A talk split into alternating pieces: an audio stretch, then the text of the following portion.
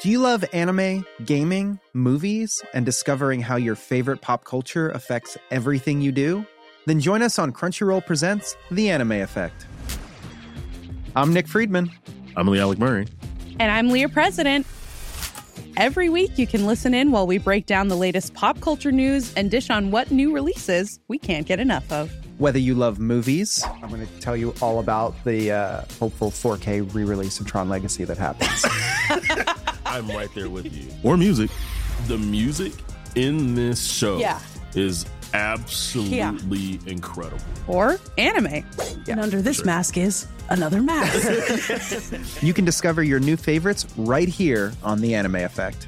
Listen every Friday wherever you get your podcast and watch full video episodes on Crunchyroll or on the Crunchyroll YouTube channel. If you thought the only way to get a more defined jawline with natural looking results was through surgery, think again. Juvederm Volux XC is a non surgical injectable gel filler that improves moderate to severe loss of jawline definition and can help you achieve natural looking results with little downtime. Even better, this improved definition lasts up to one year with optimal treatment. No maintenance required. Improve jawline definition for a smooth, sculpted look with Juvederm Volux XC. For important safety information and to find a licensed specialist, visit juvederm.com. That's J U V E D E R M.com. Not for people with severe allergic reactions, allergies to lidocaine, or the proteins used in Juvederm. Common side effects include injection site redness, swelling, pain, tenderness, firmness, lumps, bumps, bruising, discoloration, or itching. There's a risk of unintentional injection into a blood vessel, which can cause vision abnormalities, blindness, stroke, temporary scabs, or scarring. Talk to a licensed specialist to find out if it's right for you. Ryan Reynolds here from Mint Mobile. With the price of just about everything going up during inflation, we thought we'd bring our prices down. So to help us, we brought in a reverse auctioneer, which is apparently a thing. Mint Mobile unlimited premium wireless. Ready to get 30, 30, bit to get 30, bit to get 20, 20, 20, bit to get 20, 20, bit to get 15, 15, 15, 15 just 15 bucks a month. So, Give it a try at mintmobile.com slash switch. $45 upfront for three months plus taxes and fees. Promo rate for new customers for limited time. Unlimited more than 40 gigabytes per month. Slows. Full terms at mintmobile.com. Helt siden de første menneskene slo seg ned i Trøndelag, har det blitt observert underlige lys over Hessdalen. Fenomenet har blitt forsøkt bortforklart som syner sett av bygdetullinger og deliriske hallusinasjoner forårsaket av den lokale drikkekulturen. Men det skulle vise seg at fenomenet stakk langt dypere, når Hessdalen-fenomenet fikk verdensomspennende oppmerksomhet i ufo-miljøet på 1980-tallet. Fenomenet er fremdeles der, og det er fremdeles like uforklarlig som den gang. I 2024 kommer en podkastserie i seks deler produsert av Project Hessdalen, som kanskje en gang for alle skal finne svar på hva som rører seg på himmelen i denne bortgjemte dalen i Trøndelag. Serien har som seg hør og bør fått tittelen A Blaze in the Northern Sky, og den kommer til din favorittpodkastavspiller i 2024.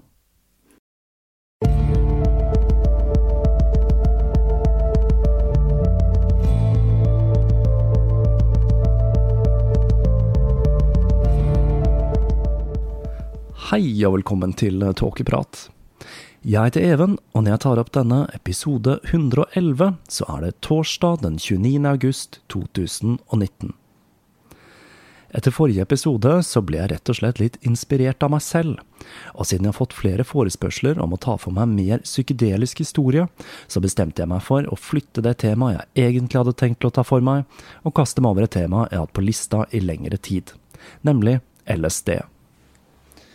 Psykedeliske stoffer og menneskene i den psykedeliske bevegelsen har dukket opp fra tid til annen her i Tåkeprat. Men det som er spesielt med akkurat denne historien, er at det dreier seg om en oppdagelse som var fullstendig uventet, og som fikk enorme sosiale og kulturelle konsekvenser.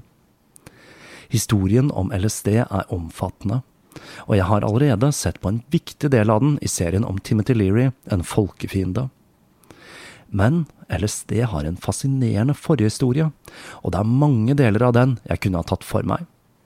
Men det jeg har tenkt å se litt nærmere på i denne enkeltstående episoden, er oppdagelsen av LSD, og litt på hvordan det ble brukt fram til vår entusiastiske psykolog ble katalysatoren som fikk stoffet til å bli et symbol for 60-tallet og motkulturen. Historien om bruken av enteogener, et ord som betyr noe i retning av det som manifesterer det indre guddommelige, eller også populært kalt psykedeliske stoffer, kjært barn har mange navn, er antageligvis like gammel som menneskeheten selv, eller kanskje eldre. Det kan godt tenkes at tidlige primater hadde et forhold til vekster som radikalt endret bevisstheten, noe som var en av de mest spennende ideene til Terence McKenna, og som han ser på i boka Food of the Gods. Men historien om LSD, det er en ny historie. Dette er et rent menneskeskapt stoff, uten noen tidligere kulturell historie vi kjenner til. Men likheten med andre enteogener, slik som psilocybin og meskalin, er slående.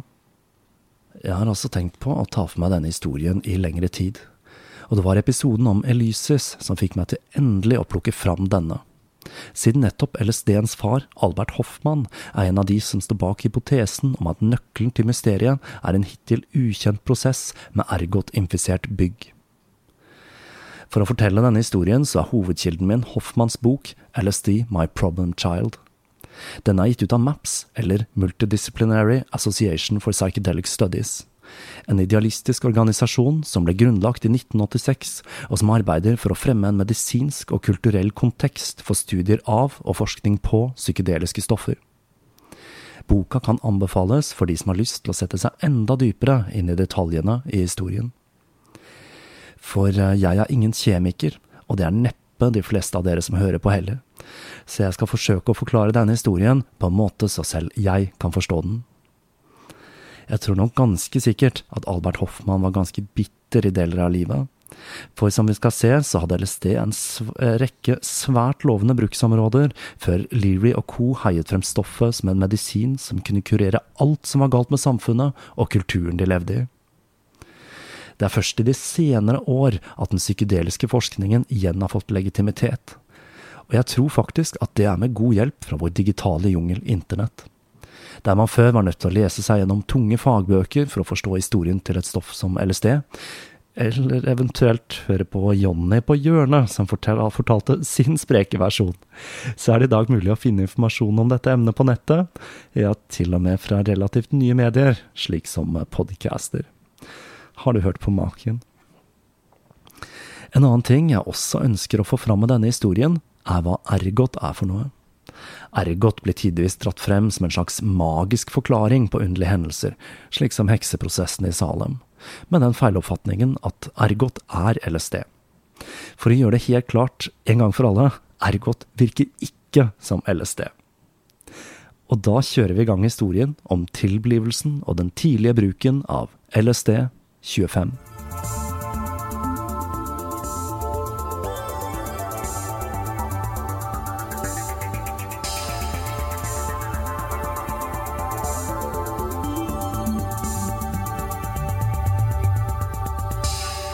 For å fortelle historien om LSD, så må vi altså først se litt på ergot, denne snyltesoppen som vokser på korn. Ergot vokser i all hovedsak på rug, men den finnes også på andre kornsorter og ville gressarter. Men det er varianten som vokser på rug, som har en historie med medisinsk bruk. På norsk kalles ergot gjerne meldrøye. Man så på denne soppen som noe positivt, fordi man rett og slett fikk mer mel med infisert korn men i denne episoden så omtaler jeg soppen som ergot, for enkelhets skyld. Det er i middelalderen vi finner de første dokumenterte utbruddene av masseforgiftning av ergot. Og forgiftningen, som forårsaker en tilstand som kalles ergotisme, er kjennetegnet av to ulike symptomer. Ett er en koldbrannlignende tilstand, og den andre er forstyrrelser i sentralnervesystemet, som gjerne uttrykker seg som kramper og psykoser. Det skulle gå lang tid før man skjønte at disse masseutbruddene av ergotisme, som kunne ramme tusenvis av mennesker på en gang, hadde en sammenheng med denne soppen, som kan ses som små brune eller fiolette skudd som stikker ut mellom kornene på akset.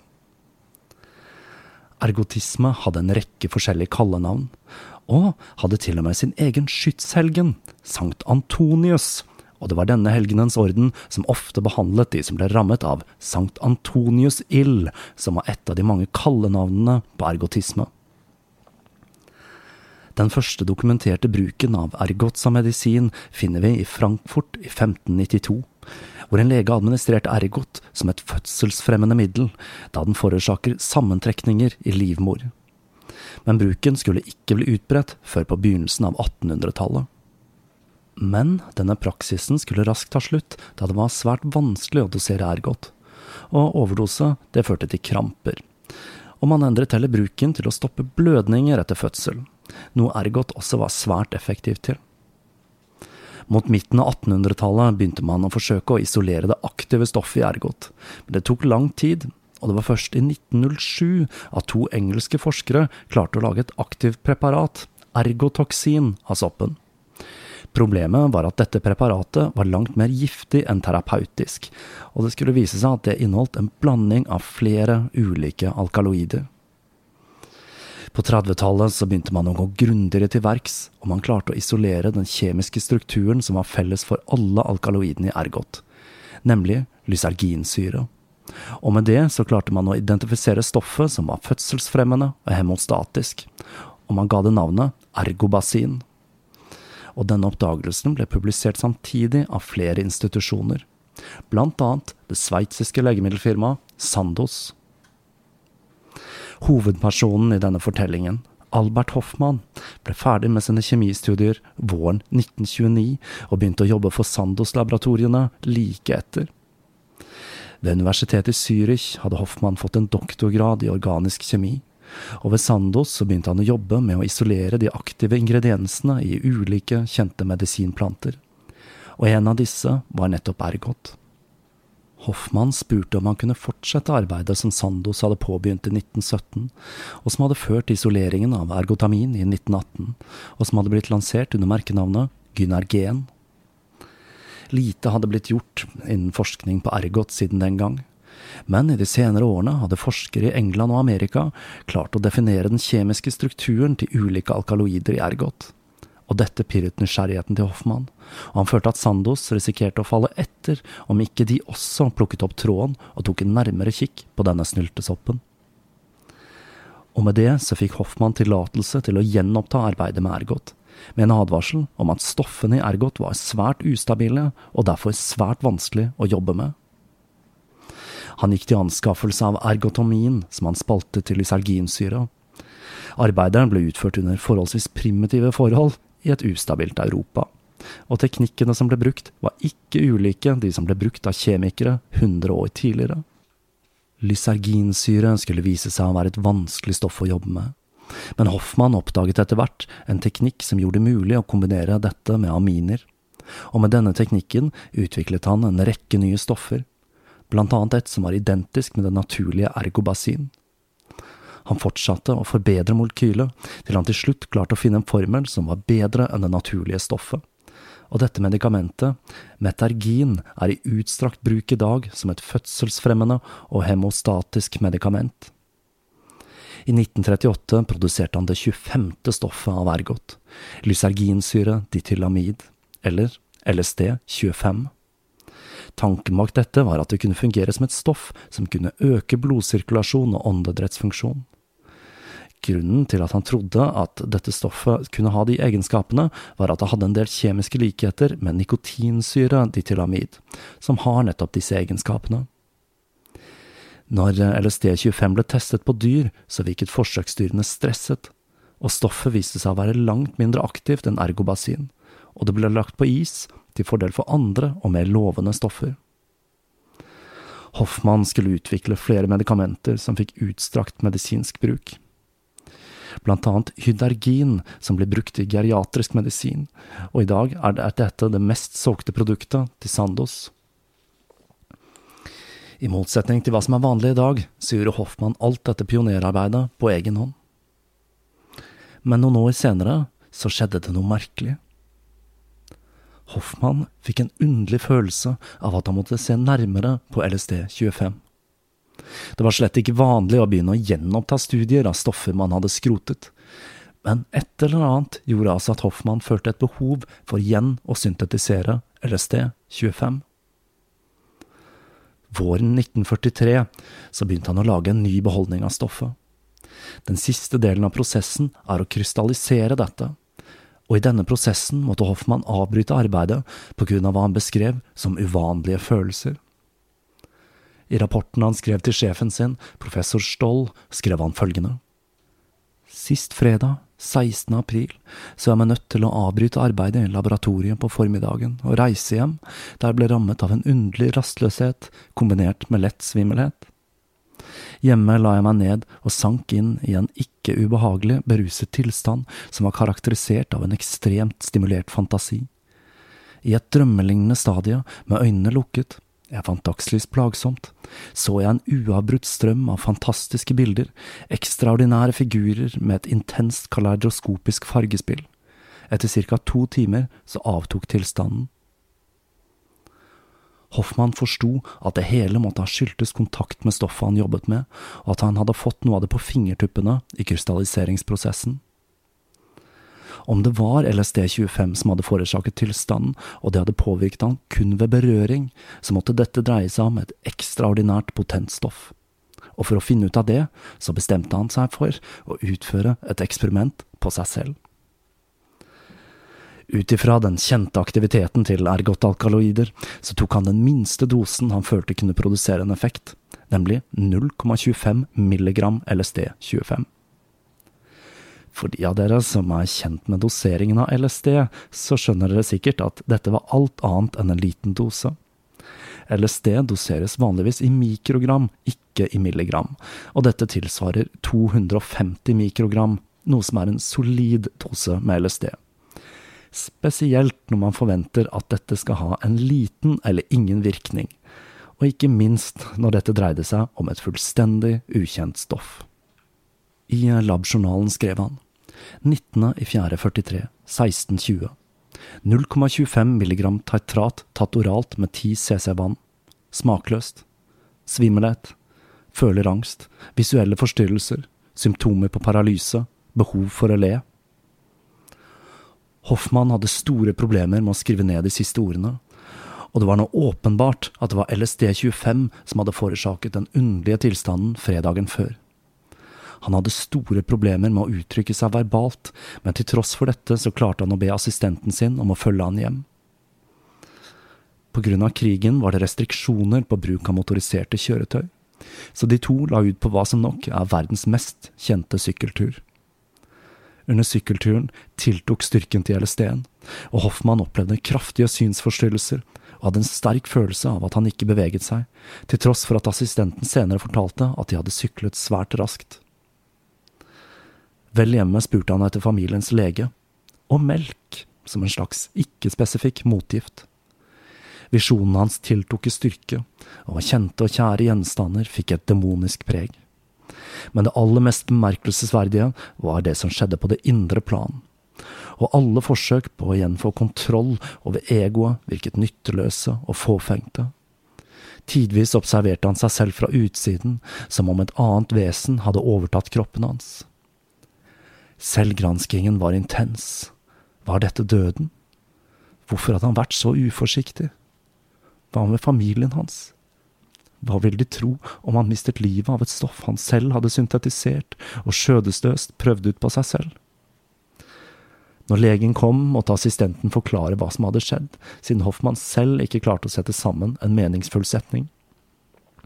Legen ble oppgitt når Hoffmann forsøkte å forklare hvilken dødsfare han var i, for han hadde nemlig ingen unormale symptomer, bortsett fra ekstremt utvidede pupiller.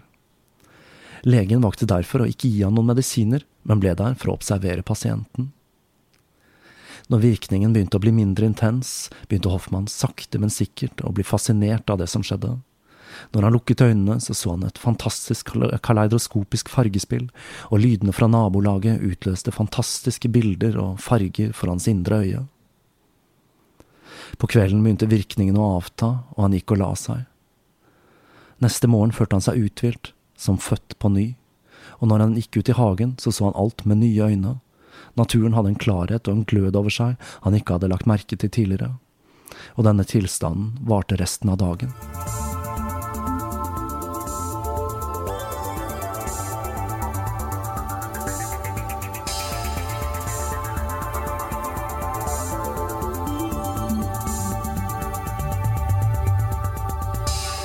Albert Hoffmann hadde oppdaget noe helt nytt. Et stoff som var aktivt i langt mindre doser enn noe annen kjent psykoaktiv substans. Og til tross for den ekstremt sterke virkningen, så husket han alle detaljene fra det som hadde skjedd. I tillegg så forårsaket ikke stoffet noen negative effekter dagen derpå. Tvert imot så følte han seg mer opplagt og full av fornyet energi. Han innså at denne nye substansen kunne være svært nyttig innen en rekke felter, som nevrologi og ikke minst i psykiatrien. Det han derimot ikke kunne forestille seg i sin villeste fantasi, var at dette stoffet, som hadde vært så voldsomt og så skremmende, skulle bli populært å bruke If you're. With Juvederm Volbella XC and Juvederm Ultra XC, your lip look, whether it's subtle or bold, can last up to one full year with optimal treatment and no additional maintenance. Find a licensed specialist and see if it's right for you at juvederm.com today. That's J U V E D E R M.com. Add fullness to lips in adults over 21 with Juvederm Volbella XC or Juvederm Ultra XC. Do not use if you have severe allergies or a history of severe allergic reactions, or if you're allergic to lidocaine or the proteins used in Juvederm. Tell your doctor if you have a history of scarring or taking medicines that decrease the body's immune response or that can prolong bleeding. Common side effects include injection site redness, swelling, pain, tenderness, firmness, lumps, bumps, bruising, discoloration, or itching. As with all fillers, there's a rare risk of unintentional injection into a blood vessel, which can cause vision abnormalities, blindness, stroke, temporary scabs, or scarring. For full important safety information, visit juvederm.com. Hey, I'm Ryan Reynolds. At Mint Mobile, we like to do the opposite of what Big Wireless does. They charge you a lot, we charge you a little. So naturally, when they announced they'd be raising their prices due to inflation, we decided to deflate our prices due to not hating you. That's right. We're cutting the price of Mint Unlimited from $30 a month to just $15 a month. Give it a try at mintmobile.com slash switch. $45 upfront for three months plus taxes and fees. Promo for new customers for limited time. Unlimited more than 40 gigabytes per month. Slows. Full terms at mintmobile.com. rekreasjonelt. Til å begynne med så lurte kollegaene hans på om han ikke hadde gjort noe feil med doseringen av stoffet. Men da to av de gjentok eksperimentet med kun en tredjedel av dosen Hoffmann hadde tatt, var det liten tvil om at de satt med et stoff med svært unike egenskaper og styrke. Etter LSD hadde gjennomgått de obligatoriske dyreforsøkene, så begynte de første systematiske eksperimentene på mennesker. Og det var legen Werner A. Stoll som gjorde de første eksperimentene, både på friske individer og schizofrene pasienter ved universitetet i Zürich. Dosene han benyttet seg av, var langt lavere enn Hoffmanns heroiske 0,25 milligram, og han brukte doser fra 0,02 til 0,13 milligram med LSD 25. Funnene hans ble publisert i 1947, og han beskrev stoffet som et fantastikum av en ekstraordinær styrke og med muligheter for annet bruk i psykiatrien. I likhet med Hoffmann og mange av de tidlige LSD-forskerne drev Stoll også med eksperimenter på seg selv, noe som var svært viktig for å forstå den opplevelsen stoffet utløste. Vitenskapen var ikke ukjent med psykedeliske stoffer. På 20-tallet hadde man utført flere eksperimenter med meskalin, men man hadde ikke funnet noe fornuftig bruksområde for dette stoffet. Men med LSD så fikk forskningen en ny giv. Ikke bare var det fem til ti tusen ganger sterkere enn meskalin, men det at det var aktivt i så små doser, indikerte at stoffet direkte påvirket de høyere kognitive funksjonene uten å forgifte sentralnervesystemet, slik mange andre psykoaktive stoffer gjør. Arbeidet til Stoll gjorde at man så at stoffet hadde et potensial i psykiatrien, og Sandoz lanserte LSD-25 under merkenavnet Delucid, og gjorde det tilgjengelig for institusjoner og laboratorier over hele verden. LSD ble ikke brukt som en ordinær medisin, men som et verktøy i terapi for å hjelpe pasienter som var fastlåste i spesielle tankemønster, eller for å få frem fortrengte minner. En form for terapi som ble utviklet, var noe som ble kalt for psykolytisk terapi, hvor deltakerne tok dose med LSD i faste intervaller, og det de opplevde ble diskutert i gruppeterapi. En annen form for terapi som var populær i USA, var psykedelisk terapi. Psykedelisk er et ord som ble funnet opp av den amerikanske LSD-forskeren Humphrey Osman. I denne formen for terapi fikk pasienten en veldig stor dose LSD, og målet var å trygge en religiøs opplevelse som var ment å gi pasienten et nytt syn på sitt eget liv og plass i universet. Hvor effektivt LSD var i psykiatrien er omdiskutert. I motsetning til medikamenter som doper ned pasienten og med det glatter over problemet, så gjorde LSD det stikk motsatte.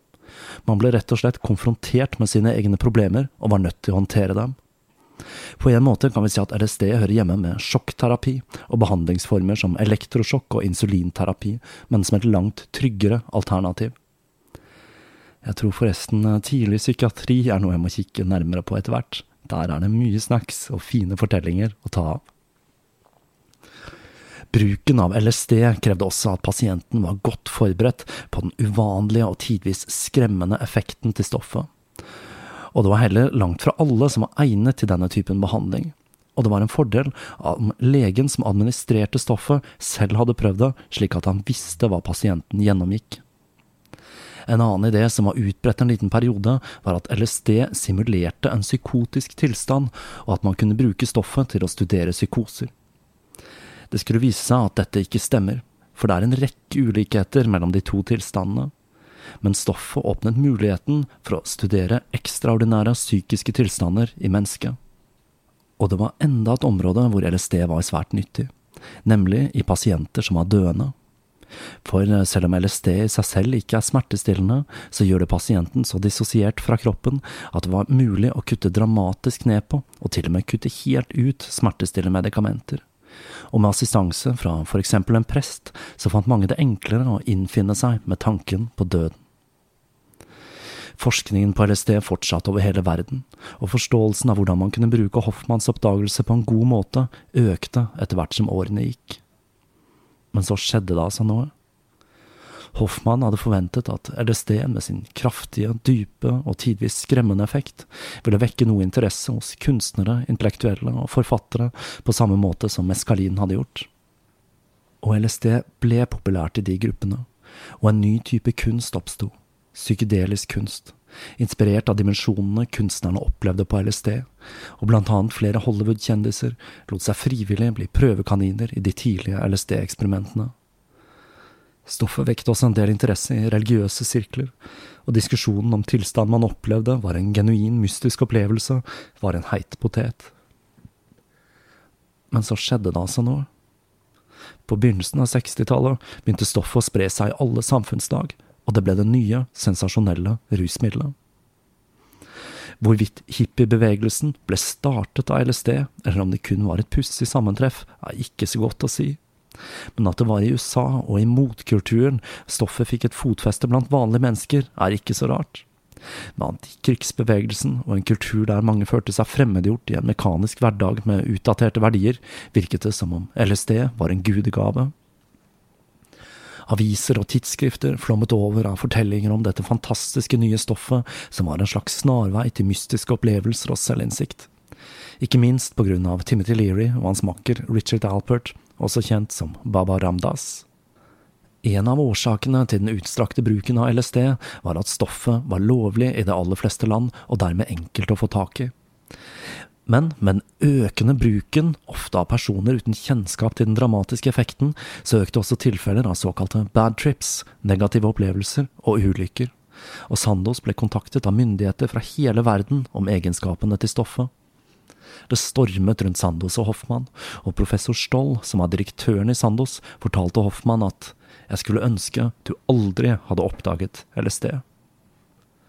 Selv undret Hoffmann seg om stoffet han hadde laget var en velsignelse eller en forbannelse. Veide bruken i psykiatrien og forskningen på den menneskelige syke opp for farene forbundet med uvettig bruk i sivilbefolkningen og konsekvensene det fikk for samfunnet? Bruken av LSD nådde høydepunktet mellom 1964 og 66, og Sandos så seg til slutt nødt til å stanse all produksjon av stoffet i august 1965, og en rekke land innførte strenge restriksjoner på bruken av psykedeliske stoffer. Men selv om LSD fremdeles var tilgjengelig for bruk i psykiatrien fordi patenten til Sandos utløp i 1963, så avtok forskningen fordi det var mange leger og forskere som kviet seg for å bruke stoffet av alle skrekkhistoriene i pressen. Men det stoppet ikke den ulovlige bruken, og et nytt svart marked for LSD etablerte seg. Med et stoff som er forholdsvis vanskelig å produsere, og ikke minst er aktivt i så ekstremt små doser, så fikk man flere tilfeller av forgiftning og overdoser, da personer tok noe de trodde var LSD, men som viste seg å være noe helt annet. En overdose med LSD er ikke fysisk farlig, men det kan føre til ting som sammenbrudd og psykiske problemer. LSD er også et svært ustabilt stoff, som raskt kan ødelegges av ting som lys, og det er umulig å vite hvilken dose man får i seg ved å ta et stoff som eksempel er dryppet på et trekkpapir. Dessuten, selv om LSD er ekstraordinært kraftig, så finnes det andre syntetiske hallusinogener som kan få fysisk plass på de samme mediene som LSD, enten det nå dreier seg om trekkpapir, sukkerbiter eller hva det nå skal være.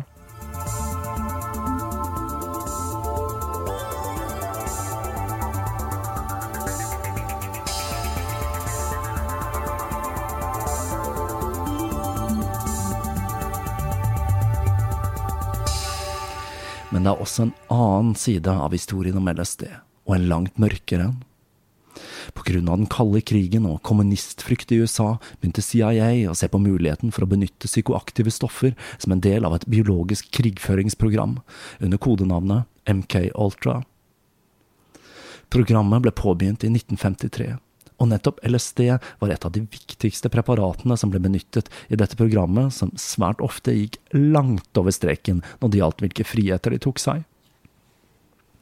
MK Ultron pågikk helt fram til 1973, når direktøren for CIA, Richard Helms, beordret at alle dokumenter tilknyttet prosjektet skulle destrueres når det ble avviklet. Men i 1977 ble 20 000 dokumenter som hadde overlevd destruksjonen, oppdaget og så sent som i 2018 ble de siste kjente dokumentene deklassifisert. Inkludert et brev som omhandler fjernstyring av hunder med hjerneimplantater. Jeg tviler vel litt på at det lyktes med akkurat det, men bare det at de klarte å tenke ut en sånn plan, er jo noe som er ganske spinnvilt i seg selv.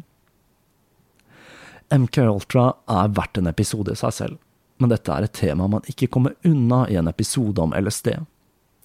Det CIA var ute etter, var et stoff som kunne kontrollere viljen til fienden, eller et sannhetsserum, om du vil. Det som var spesielt, var at de testet ut ulike stoffer, deriblant LSD, på uvitende mennesker. Både sivile og egne agenter. Så utbredt var denne praksisen at det ble sett på som en yrkesrisiko å plutselig få hele sin virkelighetsoppfatning knust etter å ha drukket morgenkaffen. Programmet var ekstremt omfattende, og det er estimert at ca. 10 millioner dollar gikk med til de mer enn 150 ulike prosjektene som ble utført i hysteriet under den kalde krigen. Det tilsvarer 87 millioner dollar i dagens valuta. Man forsøkte å gi LSD til personer i ulike livssituasjoner, og da spesielt personer som ikke kunne motsette seg eller ikke hadde så mye å stille opp med, som rusmisbrukere, prostituerte, fanger og psykisk syke. I ett tilfelle så ga de LSD til en psykiatrisk pasient i hele 174 dager i strekk for å se hva som ville skje. Et av de kanskje mest kjente programmene, eller jeg burde kanskje si mest beryktede, var Operation Midnight Climax, hvor CIA åpnet en rekke bordeller og doset sexkundene med LSD, hvorpå de filmet det hele gjennom et enveisspeil så de kunne studere filmene etterpå. Her snakker vi om ekstremt shady greier, altså. Hjemmelaget CIA-rusporno. Men til tross for all moroa de hadde med å dose egne folk, i tillegg til intetanende sexkunder, så begynte CIA å fase ut bruken av LSD rundt 1962 til fordel for andre, mer forutsigbare stoffer. Dette førte til at mange forskere og akademia begynte å motta mindre støtte til å forske på LSD, og dette førte til en generell nedtrapping i forskning på stoffet. CIAs utstrakte forsøk skulle vise seg å få noen uforutsette sosiale konsekvenser. En ung mann ved navn Ken Kesey meldte seg frivillig til en studie ved Menlo Park Veterans Hospital, hvor han jobbet som nattevakt. Dette var en studie av effekten av psykedeliske stoffer på mennesker, deriblant LSD. Og disse forsøkene skulle senere vise seg å være en CIA-dekkoperasjon. Denne unge mannen skulle gjøre seg bemerket som forfatter, og står blant annet bak den ikke helt ukjente boka Gjøkereda, som ble udødeliggjort som film med Jack Nicholson i hovedrollen som Randall Patrick McMurphy. Kesey skulle også utmerke seg som den som knyttet sammen beat-generasjonen og hippiebevegelsen. Han omga seg med en gruppe mennesker som kalte seg selv The Mary Pranksters, og i 1964 bega de seg ut på hva som må være en av historiens mest kjente roadtrips i bussen Further. De reiste på kryss og tvers i USA og arrangerte acid tests, eller syreprøver, der de hadde fester med spektakulære lysshow og musikk hvor de delte ut LSD. Det var også på en av disse festene fenomenet The Grateful Dead debuterte. Et band med en utrolig spennende historie, og et band jeg så veldig gjerne vil like, men aldri helt har fått taket på. Ideen med det hele var å se hvordan samfunnet ville reagere på å bli konfrontert med denne fargesprakende gjengen, og ikke minst hvordan LSD ville endre menneskene som deltok. The Mary Pranksters filmet mye av det de holdt på med, og dette materialet er blitt gitt ut i flere ulike sammenhenger. Selv har jeg Magic Trip, Ken Keseys Search for a Cool Place fra 2011, en eller annen plass i flyttekaoset her, og den kan anbefales for å få et glimt av hva som må være et av de særeste fenomenene fra 60-tallets motkultur. Og jeg må jo si at Kisi Kesey og co. får Timothy Leary og folka hans til å fremstå som forsiktige i forhold. Det er ganske fantastisk å se hvordan sjåføren til bussen, forfatter og beatlegenden Neil Cassidy, peiser på med Ritalin for å holde koken, mens resten av gruppen er på en helt annen planet. Fra den underlige følelsen til Hoffmann, til bruk i psykiatrien, og som en måte å fremprovosere religiøs ekstase på, til shady programmer iscenesatt av amerikansk etterretning, og til framveksten til motkulturen på 60-tallet. LSD spilte utvilsomt en viktig rolle i den kulturelle eksplosjonen som kom i kjølvannet av den kalde krigen. Enkelte vil kanskje til og med hevde at LSD slett ikke ble oppdaget ved en tilfeldighet, men kom når samfunnet trengte det som mest. Selv så fikk jeg lyst til å ta for meg dette litt merkelige stoffet etter å ha jobbet med episoden om Elysis, for som nevnt så hadde blant annet Albert Hoffmann en hypotese om at et brygg fremstilt av ergot var selve kjernen i mysteriet. Kanskje de gamle grekerne hadde funnet en måte å fremstille et preparat som hadde like stor påvirkning på kulturen som LSD hadde på vår. LSD ble forbudt i USA i 1970, og i FN i en resolusjon av 1971. Og med det så stanset all forskning på denne substansen som hadde hatt en så dramatisk effekt på kulturen i Vesten men panikken som bredde om seg på 60-tallet har avtatt, og i 2009 begynte man igjen med eksperimenter med LSD på mennesker, for første gang på 35 år. Mye takket være organisasjoner som MAPS og The Albert Hoffman Foundation, som kjemper for igjen å kunne plukke opp arven fra den forskningen som ble gjort den gang. Så hvem vet hva som kommer ut av å se litt nærmere på dette underlige molekylet som i løpet av sin korte levetid kullkastet kulturen og både skremte og fascinerte en hel generasjon?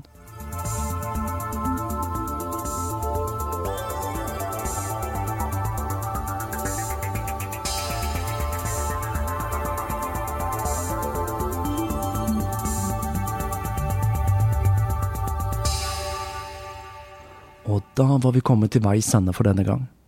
I denne episoden har jeg så vidt vært innom flere temaer jeg godt kan tenke meg å ekspandere på i fremtidige episoder, som MK Ultra og The Mary Pranksters. Men ideen med denne episoden var å tegne et bilde av dette underlige stoffet som helt uventet fikk en sånn voldsom popularitet. Mye takket være Dr. Leary, men også fordi samfunnet, og da spesielt det amerikanske, var klar for nettopp noe som utfordret establissementet, og samtidig forsøke å forklare hva som gjør at LSD skiller seg en del fra tradisjonelle enteogener, slik som eskalin og psilocybin.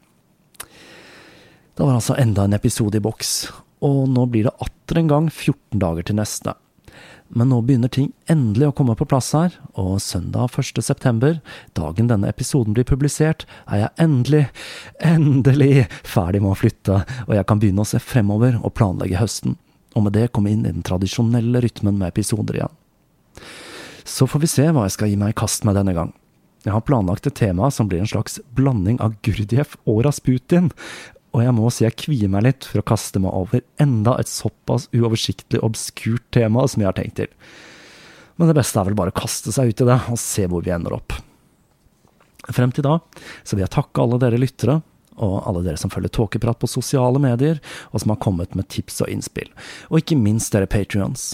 Dette blir en spennende høst. Så da, kjære lyttere, gjenstår det bare å si på gjenhør.